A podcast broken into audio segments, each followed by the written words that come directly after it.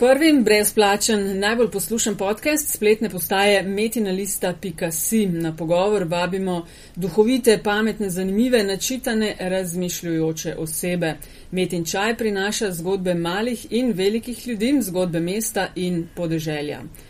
In tokrat klepetamo z Luzevis van der Laan, nizozemkom, vrhunsko političarko, ki se je pred kratkim z družino preselila v Slovenijo. Uh, pogovor bo v angleščini. Uh, Mrs. Lousewies, uh, welcome to Vabljeni na Metin Čaj. Me veseli. Uh, did you understand any of the stuff that I said in the beginning? It was in You were, I think, introducing me. I heard my name and I heard that I'm a politician.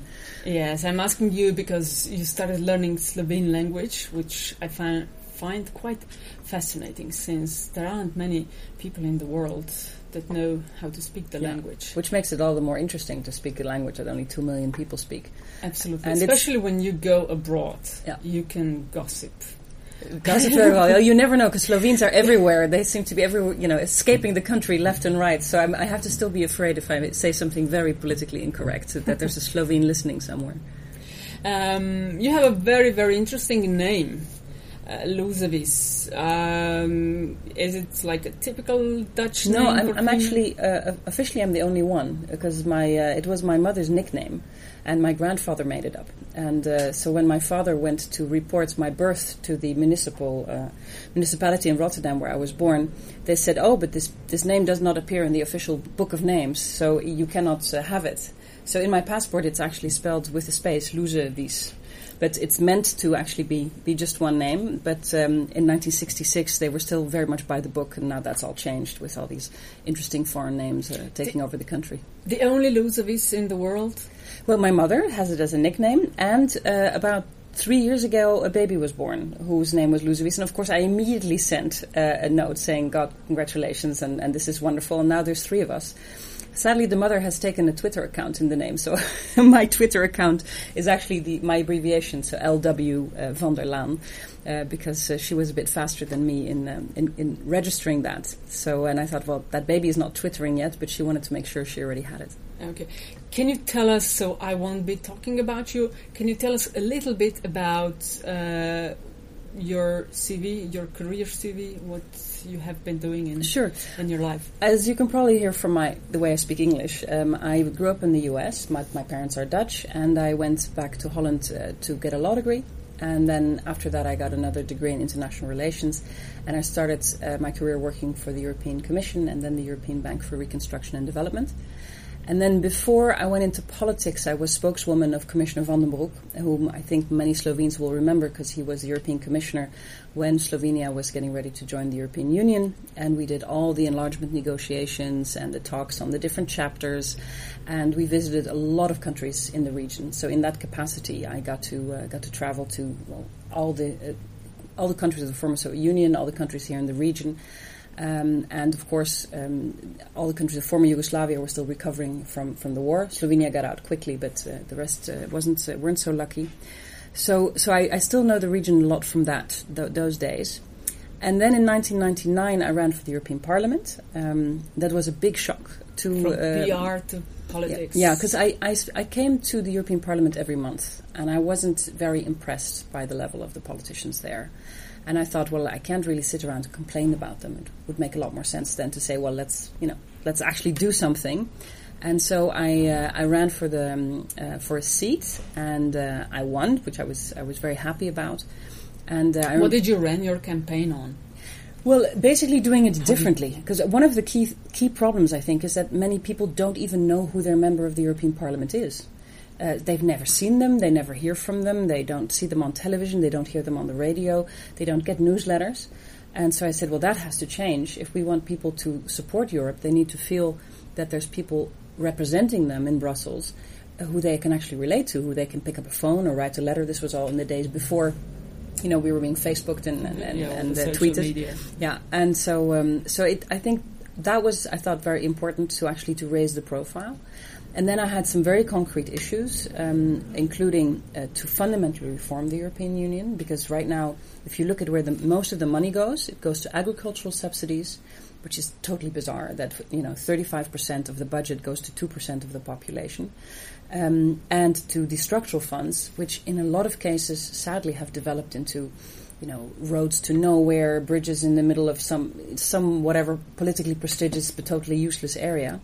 When there are so many things that Europe could usefully do, where we have added value, like for example, uh, mapping out trans-European networks. I mean, energy flows, you know, through one country to another country. If we don't agree on how the pipeline goes, then we have a real problem. That's much more important than, for example, in my hometown of The Hague, um, they built a museum at the Peace Palace with European money. And I think that's completely ridiculous. Why should the citizens of The Hague get a new museum, which they will benefit from economically with all the tourists coming, that is subsidized by Slovenian and Portuguese taxpayers? And, and sadly, what you've seen is that the European Union has turned into a big cash machine where the major achievements of politicians is to pull out as much money as they can, like an ATM. And they sit around saying, How much did you get? And did you get a good deal? And that's not what it should be. Um, in, in my view, the European Union should be a union of values um, where we are stronger as a continent um, and uh, where we can actually face up to the challenges that we get from China, from the US, uh, from the rest of the world, and where we work together on uh, cross border problems, be they pollution, immigration, crime, drugs. I mean, there's so many things that cross borders that we so, need to work on. So, what was your campaign slogan?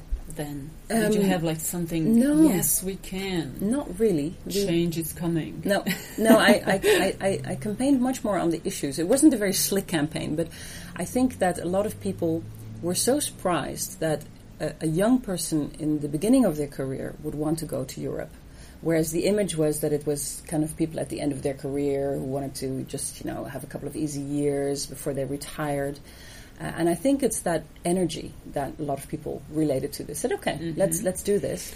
And I was extremely lucky because the same thing happened in a number of other countries. So I was in the European Parliament with Nick Clegg, who's now the Deputy Prime Minister of Britain, Helle Thorning-Schmidt, who's now the Prime Minister of Denmark, uh, Michiel van Hulten, who later became the leader of the Dutch Labour Party.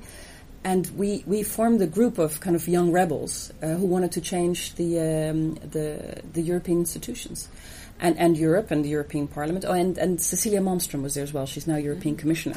And so we set up something called the Campaign for Parliament Reform.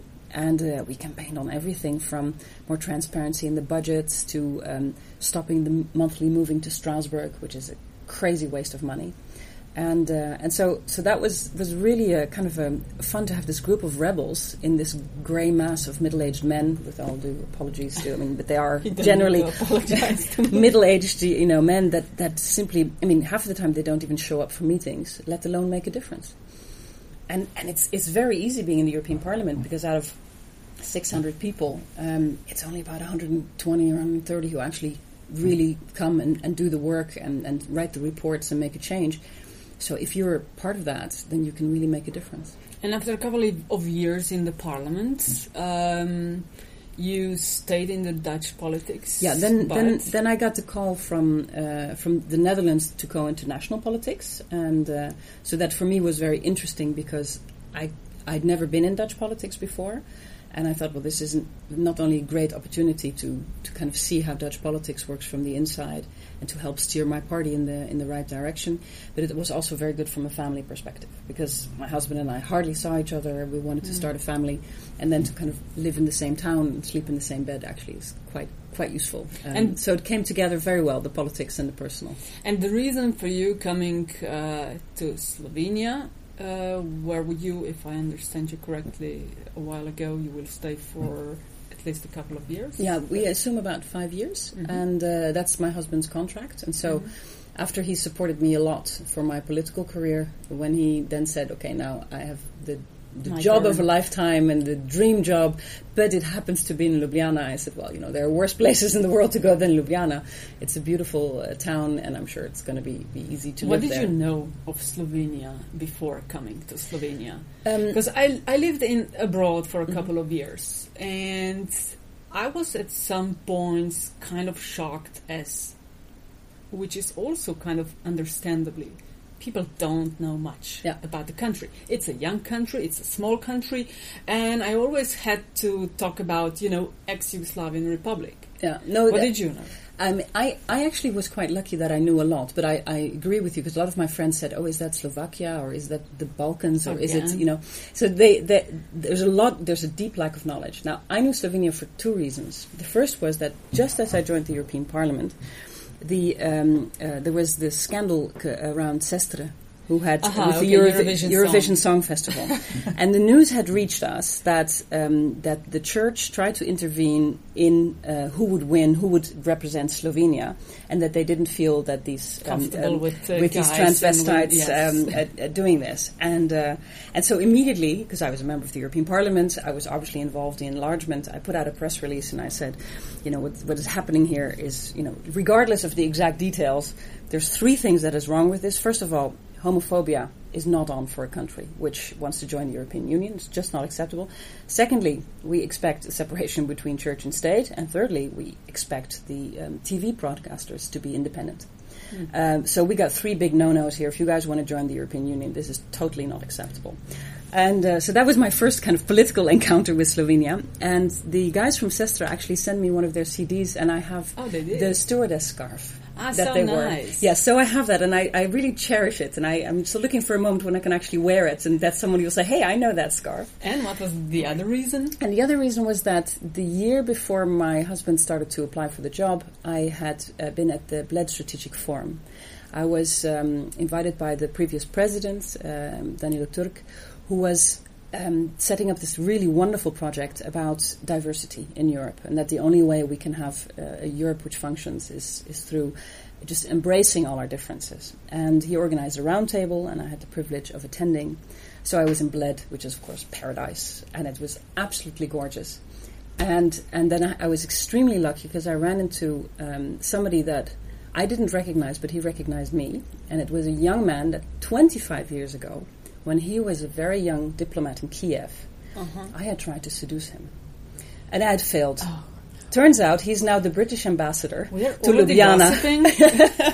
Well, you know, all politics No, no, no, is tell me personal. everything. So it turns out he's now the British ambassador in, in Ljubljana, and he recognized me. And he, of course, he was still very, um, very much appreciative of me because I had at least tried to seduce him, very unsuccessfully, but at least I tried.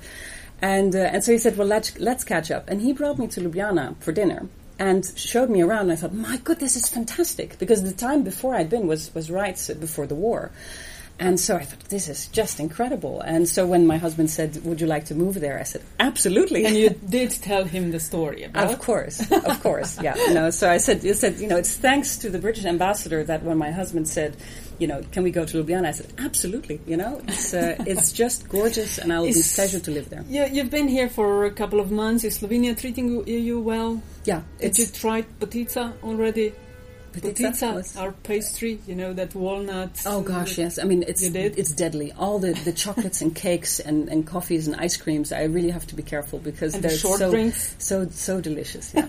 no, it's uh, if you don't watch out, you can just uh, re- get really fat here. But luckily, it's such a sporty country that everybody is walking and hiking and you know doing uh, doing all kinds of outdoor stuff. So Yeah, that's true. Have you already been? I mean, you've been here for a couple of months. Been introduced to Partizani and Domobranci issue, partisans and Yeah, you, we- you can't you can't avoid it. You, you really can't avoid it. I think one of the things that surprised me the most is that beneath this gorgeous exterior of Slovenia, so it, it looks really beautiful. People are nice. Everybody speaks English. Uh, you know, people are, are young and attractive and engaged. Um, you know, the there seems to be quite a lot of wealth if you look around the city.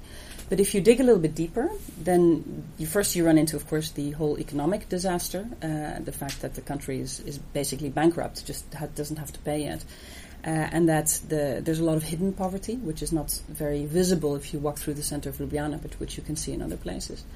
And then the other thing is this, this incredible historical trauma that's within any conversation, within, you know, sometimes within the first five minutes, but usually within half an hour, somehow we get taken back to either 1936 or 1945 or, you know, it's, it, it's incredible to find a country which is so polarized on, a, on an issue. The only, only place I've seen it uh, before is Armenia with the genocide. But here it brings the country together. But they're still so focused on recognition of uh, the Armenian genocide that they haven't done anything else. No economic development, bad relations with their neighbors, uh, and everything else. And these traumas, if you don't kind of give them a place or work work them into into something constructive, I think it can be extremely uh, damaging.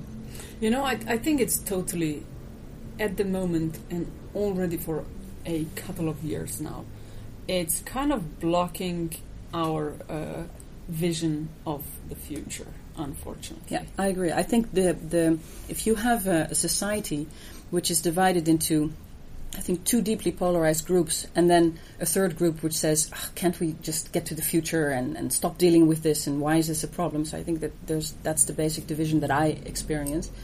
Then it's very difficult to have um, a shared uh, collective kind of narrative, an identity, a self confidence, uh, and, and, a, and a vision of where to go. Or if someone comes with a vision then immediately the other side of the divide will say, oh no, but that feeds into their own short term political goals, but it doesn't fit ours and uh, and I think it's it's taking you a lot of energy away from where it should be going from from looking at the future and and also to um, it, if you want to, people to make sacrifices which is basically what's happening now. I mean, you're gonna, gonna it's going to be tough the, the next years um, with all the reforms that need to be done the only way people are willing to, to tighten their belts and to make sacrifices if, is if they see light at the end of the tunnel and if they have some kind of vision of okay but it's going to be fine in the end.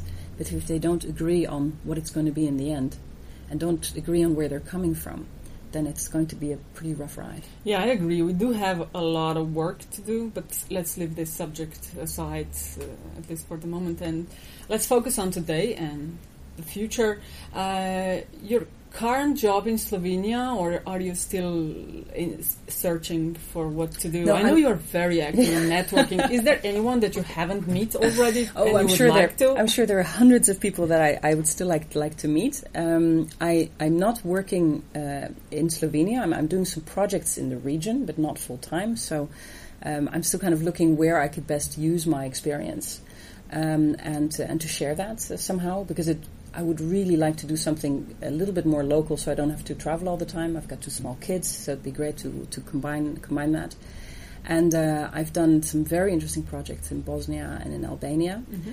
And um, and what's what I find very interesting is that, especially when I do projects on human rights, democracy, but also on strategy, communication, women's political participation, uh, participation LGBT rights the dynamic is the same no matter where you are. If I'm in Washington D.C. or in, in Ivory Coast or in Thailand, you know the the, the, the dynamics of a political elite, uh, a powerful um, group of people who want to stay in power, and then the movement of people who want to change that, either because of they want to fight for their human rights, or they want to change the economy, or they want to have a more just society, um, because the media is being oppressed. You know, whatever it is, the dynamic is the same everywhere and uh, and and kind of I have now as as kind of my ideas that I would like to help people who want to make the world a better place. I would okay, like to give them the benefit of my experience. You're perfect for us.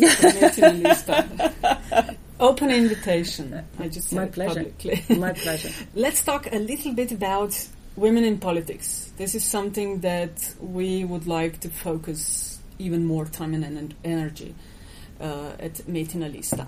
Now, you've been uh, associated with a serious part in, in Dutch politics, with a serious job on the European level. And you are a woman. Was it like a walk in a park for you? Woman I think politics. I think it has it has of course advantages and then it has all the the disadvantages everybody knows. You know, there's there's the, the glass ceiling, there's the sexism, there's always people looking at what you're wearing and comments about that. And you know, it comes to a point where if I would dress too attractively, they would spend so many sentences writing about the way I looked, or you know, or whatever someone would perceive as sexy. That at a certain point, you do what Hillary Clinton does: you put on a uniform, basically, and that's not too elegant, uh, and make sure that you know they focus because I want them to write about say. my ideas, about mm-hmm. my issues. Um, so, so that I think everyone can experience. At the same time, I think being a woman has the great advantage of first of all, you can really mobilize women voters uh, because women like to relate to someone who is in the same situation. And, uh, and I think people do want to know, you know, how do you combine having a job with having children? How do you combine it with having a private life? How do you uh, deal with conflicts of, you know, these power hungry alpha males who are around you?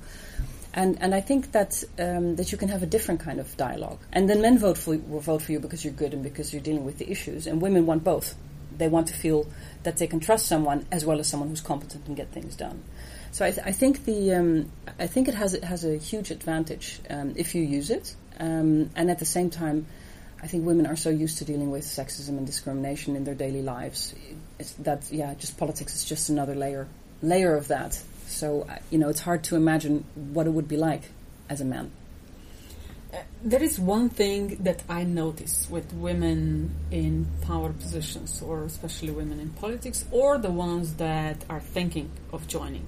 And the thing is that uh, they're not as vocal as their uh, male colleagues are uh, not as sort of aggressing in uh, communicating whatever values and ideas they have, but also on the other hand, and they're right, complaining that they don't get enough uh, enough airtime. Mm uh, things like that. Uh, yeah, I, mean, I think the the first problem with women is that they most of them don't even enter politics. They don't want to be a part of it. They they feel that because they see it because they see it exactly too. exactly, and they and they feel that they either will not survive or they will have to adapt in a way that compromises their values. And I think that's the first problem. And until we get a, a, a mass of people, not only women but also a, just a more diverse group of people who want to do politics differently, you cannot expect one or two people to do that. You're going to need at least 15 or 20 uh, in, in a parliament of 100 to, to do that together. So I think that's, that's the first thing we need is we need people who want to change things. Uh, ideally in all the different political parties, but if not, then through, through political movement or, or pressure. I think the second thing is that um, uh, it's true that women are going to be judged differently. If I'm if I'm very persistent, then I will get called a bitch. Whereas a man would be called someone with strong decisive shoulders, with yes, exactly, exactly, decisive. So, so that's just something that you have to deal with. Um, and I think that yes, it's women get judged differently, but I don't believe in complaining. You know, this is you know, if you cannot present your story to the media in an interesting way, then you need to pre- work harder on changing that. You can't say, "Oh, they're not giving me any media coverage." You know, mm. I don't think think you know feeling feeling sorry for yourself is going to change anything and uh, and I think actually a lot of people could do a lot better job in in trying to present themselves, and the sadly the politics is not really the place for the, the soft spoken shy woman or at least she's not going to be in front of the cameras because those are the women doing all the work behind the scenes and I know a lot of those you know I think I think you look in the offices of a lot of ministers there's going to be a lot of competent uh, people there second in command or assistants or support groups the minister would collapse within a day if those people weren't there to write their speeches and make sure that he had his, his briefcase and, and planned his meetings. But those people, if you ask them and say, okay, so are you running for the next uh, next list? They say, oh, you know, not me, and that I don't think I can do it. You know, this is inbuilt modesty that are ingrained or kind of indoctrinated into women from the moment that they're born. And it's very difficult to get over that. And uh, I think it may have helped that I was the oldest of uh, a girl only family and uh, oh, uh, apparently kicking asses. Yeah, apparently the uh, the um, uh, most women who go into politics tend not to have an older brother, and they tend to be kind of the only well the oldest child in a in a girl only family. Apparently, you know that's how he learns yeah. to be tough. And well, it's just you politics. don't you don't get the gender stereotyping in the family, you know, because the the oldest girl is then treated as the boy, and that makes it much easier to to play in the boys' world. Were they afraid of you? In politics? I don't. I, I don't. I, I mean, obviously not enough, you know, because because then you know, because then I would be prime minister now. No, I mean, it's, you still have the ambition of no, uh, I don't, becoming I don't, in. I don't. I you know, sometimes I really wonder. I mean, I would. I think there's some ministerial posts that I could do really well and would make a huge difference if I were doing it. And then the other times you spend so much time on internal party politics and um, you know really, you know, what are politics with a small p. You know, not big vision things, policy things, but uh, but you know, some two guys who are quarreling over a position or egos, uh, whatever. And, and, of course, you have to do both. Uh, you know, if you're in a certain position, but at the same time, you know, sometimes you can get a lot more done when you're outside of politics, uh, as an activist, as a, as a writer, as like you, as a journalist. Mm-hmm. Uh, you know, there's we can change the world in many ways, and mm-hmm. I think that in a way we are all politicians every day. And you don't have to actually hold an elected position to to feel that you're responsible for changing the whole political environment. I believe it is kind of a mistake talking about politics only in terms of being part of a political party. Absolutely. Politics is like Yeah. much, much, much broader. Every time you shop, you're making a political choice. Are you taking the beans from Kenya, which were flown in, CO2 pollution, but you're helping the Africans, or are you, you know, taking the beans which were grown locally? You know, did they use pesticides or not? Everything is a political choice. And I, I remember uh, when I would, uh, you know, go give university lectures, and there would be students who would say, "What are you doing about uh, peace in the Middle East?" And uh, then I would always say, "So can I just have a show of hands of which of you uses products by Clinique?" And then usually somebody, you know, hands would go up, and I would say, "You realize that the profits of Clinico, the Estee Lauder company, and Ronald Lauder is the biggest investor in the occupied territories, and so basically you are financing the occupation of Palestine with your lipstick." So I'm asking you, what are you doing about peace in the Middle East? And then, you know, the, the situation changes. And I think very often politicians need to do this. You need to play the ball back and say, it's too lazy to say, I vote every four years and I complain in between. Or I don't vote at all. You have to make conscious choices about the life that you live. And listening to what you just said, it brings me to another very interesting topic, and that is policy plans versus the narrative that you use. You know, you're campaigning, and if you're saying the right stuff that people will understand, they will vote for you. Because important thing is to get in. Only from the inside you will be able to Exactly change so. things. Yeah, and what I found very interesting is that here in Slovenia, when you talk about the um, uh, the economic crisis, some people seem to think that if you privatize, that that is somehow antisocial. Well, I think it's antisocial to use public money to subsidize badly run companies and to bail out managers who should be fired. So, so the fact that, that somehow the, the anti-privatization guys are seen as the so- social ones means there's something deeply wrong with the way the government is communicating what they're doing. Um, and they obviously need to find different pictures, metaphors, explanations. Uh, you know, and, and I, I think, wow, you know, if you look at the, the state aid that is being distributed, if you look at the, the subsidies, if you look at the way banks are being bailed out, I, I don't understand why uh, it's it's right wing parties seem to me move reform more reform minded than left wing parties when left wing parties should know that money can only be spent once. And if you're bailing out a bank you're not paying pensioners you're not paying teachers you're not helping children you're not helping the environment. There is nothing social about keeping a badly run bank alive through subsidies. And and so this kind of you know communication mistakes I think that are being made are undermining the, the efforts of the of Slovenia to actually survive economically. how, how important the narrative is, how important the slogans are. I came to realize following uh, two campaigns in the United States, 204 and 208. And you know, 208 was uh, kind of historic in many uh, many ways. Uh, have you been able to uh, go to any conventions?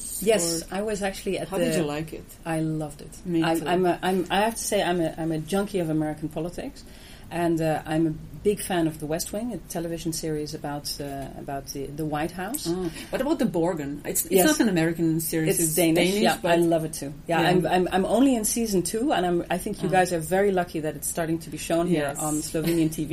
And what is amazing is that the lead character looks just like Alenka Bratušek. I mean, it's It it's, it's incredible, and and I think it will help to people to also see what politics is like. That you know, both the, the dirty parts, but also the personal parts, and the price that you pay in your personal life.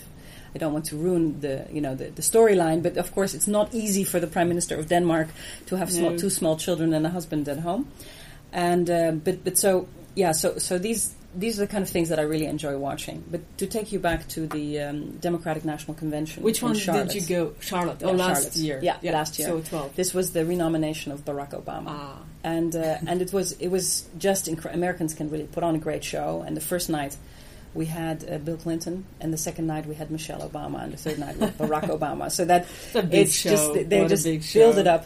But uh, the, for me, the most amazing thing was um, the change that America has gone through on marriage equality, because I've been been following the issue of gay rights for for decades, and this was also always such an impossible issue to deal with in the U.S. because it's very puritanical, it's very conservative, and for all their talk about freedom, they don't want you to have the freedom to marry the person you love. You but at the same time, they also have like very, very liberal kind of islands within the country. Yes. The whole country Yes. is very conservative, Yeah. but you have Yeah. like this San Francisco and a couple of Yeah. I don't know L.A., D.C., New York. They exist, yeah, Yeah. and uh, and sadly, because of the gerrymandering, which means they cut Mm-hmm. districts up in, in electoral regions, it's going to be very difficult to actually have a normal reflection of the general population of the U.S. in Congress because they try to make it such a, a focus on certain political groups that that the conservatives are going to have a stranglehold on American politics for a long time to come.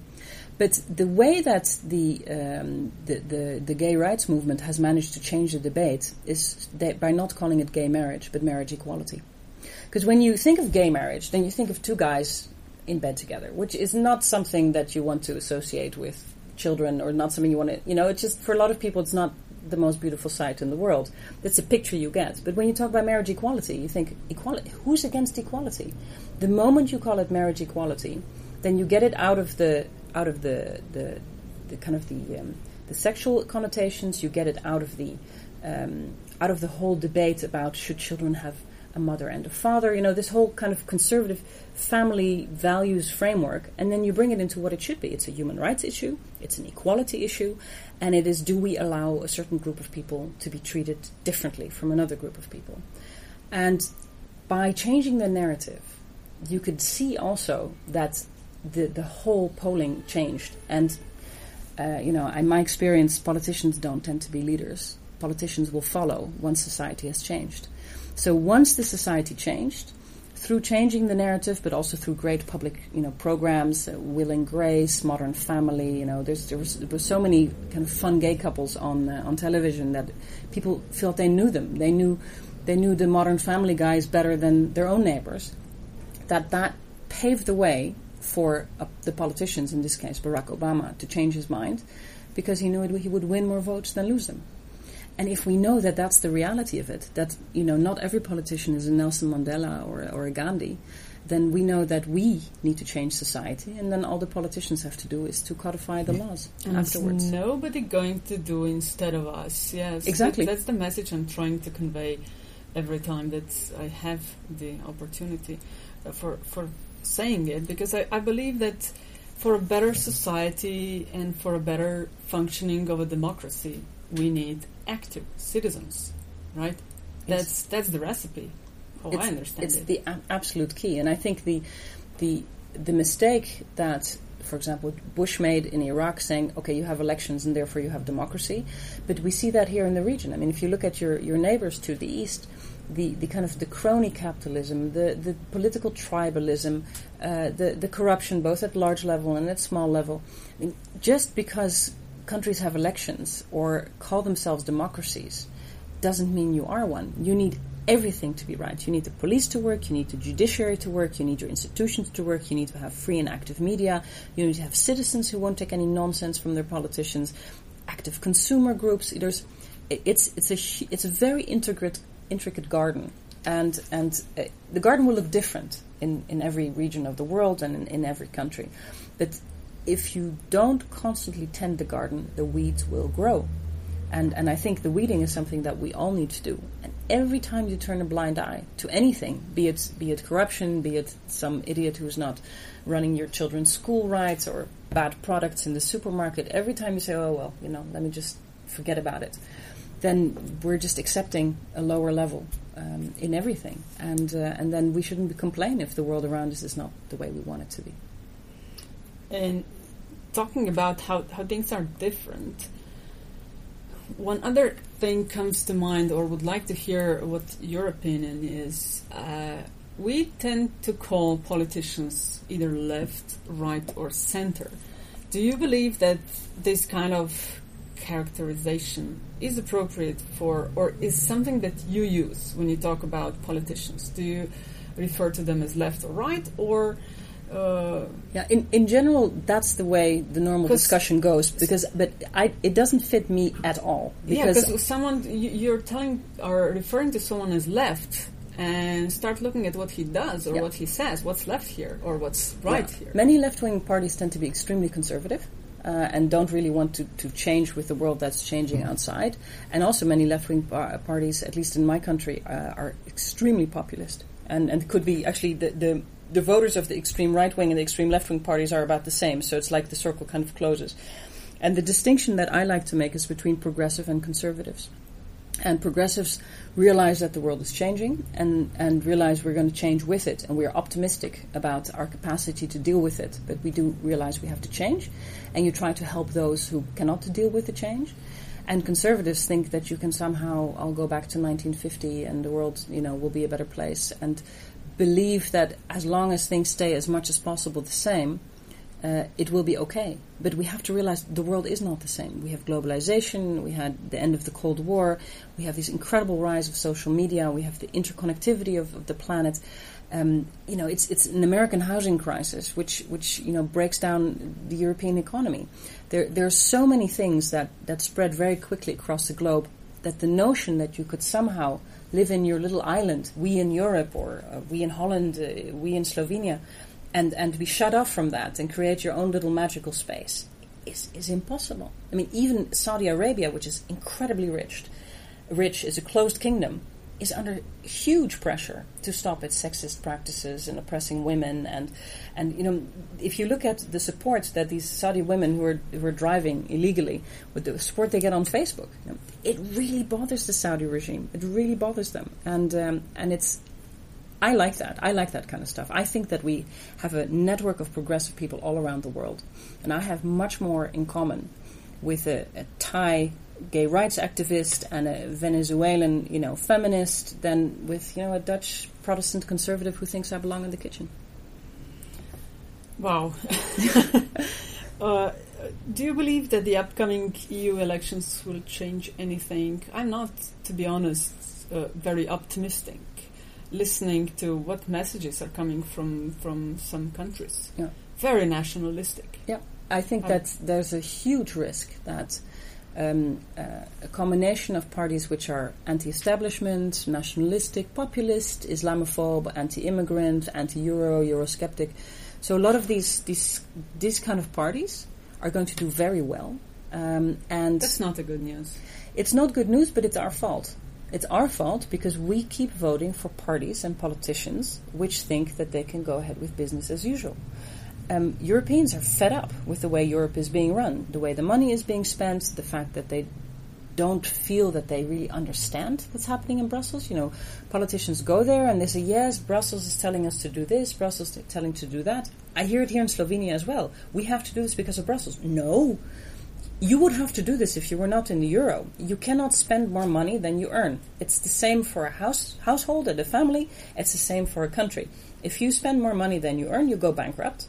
And then if you want someone to bail you out, you know, if, if you run out of money and you go to your mother and you say, Mama, can you please, you know, bail me out? She'll say, What have you been doing with your money? And if you're going to take it and go to the casino or go drinking, then obviously I'm not going to lend you anymore. It's exactly the same with countries and I think the um, the, the the just the the feeling that people have that they're not sure how decisions are made in Brussels. They're not sure who they can hold to account. They think it's very complex. They would like to have a very simple, transparent, accessible Europe. I think that's one thing that, that, that really needs to change. The second thing is that I think there's a lot of double standards, that big countries can get away with behavior that small countries cannot do, that we will um, tell smaller countries to behave in a certain way. But then if China violates human rights, or now the Russians, or you know, then it's like, well, we need their oil, or we need this, or we need their market access, and then all at once, all these beautiful principles become very soft indeed.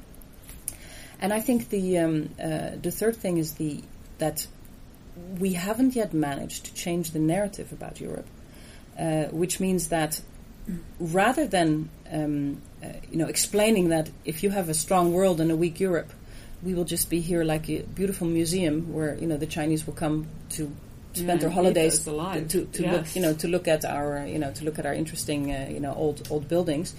Um, that's about it. Um, and and that that's what that's what this group of nationalists and Europhobes are, are trying to do is to keep us divided to make us weak, uh, to make sure that we cannot export our values, that we cannot uh, actually compete. And, and that's a very high price to pay. But what we do instead is we engage with the, with the Europhobes in a in a way uh, to kind of say, "Are you for or against Europe?" Well, that's a crazy question. We can't, we're in Europe. It's not something you're for or against. We are here. We want to make this continent strong, and we want to make it effective. And the reason that the Europhobes use this, because the idea is that, well, if you're for Europe, then you must be against Slovenia, or you must be against Holland, or you must be against Sweden. So we shouldn't engage in that discussion at all, and we should play the ball right back to them and say, "What more be a trendsetter? What plan do you have? What plan do you have to make sure that this continent will be successful? Because the the notion that that you can do it alone is complete nonsense. My country has 16 million people. Your country has 2 million, and we are completely dependent for our welfare, our success, our growth on on exports, on imports, on traveling, on open borders and open markets. And you know, you have a history of having great products um, that you know were extremely profitable and exportable. I mean, I'm not talking only about Elan and Gorenje, but also you know now these amazing wines that I'm tasting everywhere. And there's there's so many so high quality vegetables and fruits. There's just really great stuff going on here. Not to mention the fantastic tourism and, and opportunities to study. So, but we can only as small countries be successful if we do it in an open open way. And these guys just want to shut us down and pull up back the borders. That's ridiculous. And the end line, there is a lot of hard work ahead of us. Yes, and, and we've got the energy to do it. you know what? This was a very interesting tea time. Uh, thanks for that. And we are kind of um, trying to run this podcast or to end the podcast with a little bit of gossip. Right. So and I already gave you all this gossip. Yes, we, we, started too yes. early. no, that's fine. I, um, yeah, do you have something? Yes. No, I wanted to, to tell you something, something, something personal that most people don't know about me, which is that I'm a huge fan. Besides of West Wing and Borgen, I'm also a huge fan of Star Trek. And this is something people don't expect uh, because they think of a lot of people dressing up as Klingons and Borg and going to strange conventions. But I think Star Trek is actually one of the the best programs that you can watch with your children. If you watch the third third season, how many times have you watched it then? Well, I'm I'm now actually watching the Voyager series, which has a female captain, a female head of engineering, and a female head of astrometrics. I'm watching it with my nine year old son, who likes the spaceships and the shooting of aliens. Perfect. But while he watches this, he learns about how to run a team, about women in senior leadership positions about communication, about accepting differences. You know, you there's there's an there's an Indian who's in touch with his ancestors and spirituality. There's uh, you know people building up relationships which are interfering with work. There's so many wonderful things going on, and then because it's all happening in outer space, they can deal with issues that normal people can't deal with. And you will probably remember that the first ever kiss between a white man and a black woman was on Star Trek. Star Captain Trek. Kirk and Lieutenant Uhura. It is historical. They can do stuff in space. They can talk about things that normal TV series can't because it's happening somewhere else. And it's it's really it's much more interesting than most people realize. They think it's just a bunch of nerds who you know who like aliens. But it's, politically, it's fascinating. Thank you very much for sharing your thoughts and ideas and advices with us. Pleasure. Thank you. Thank you.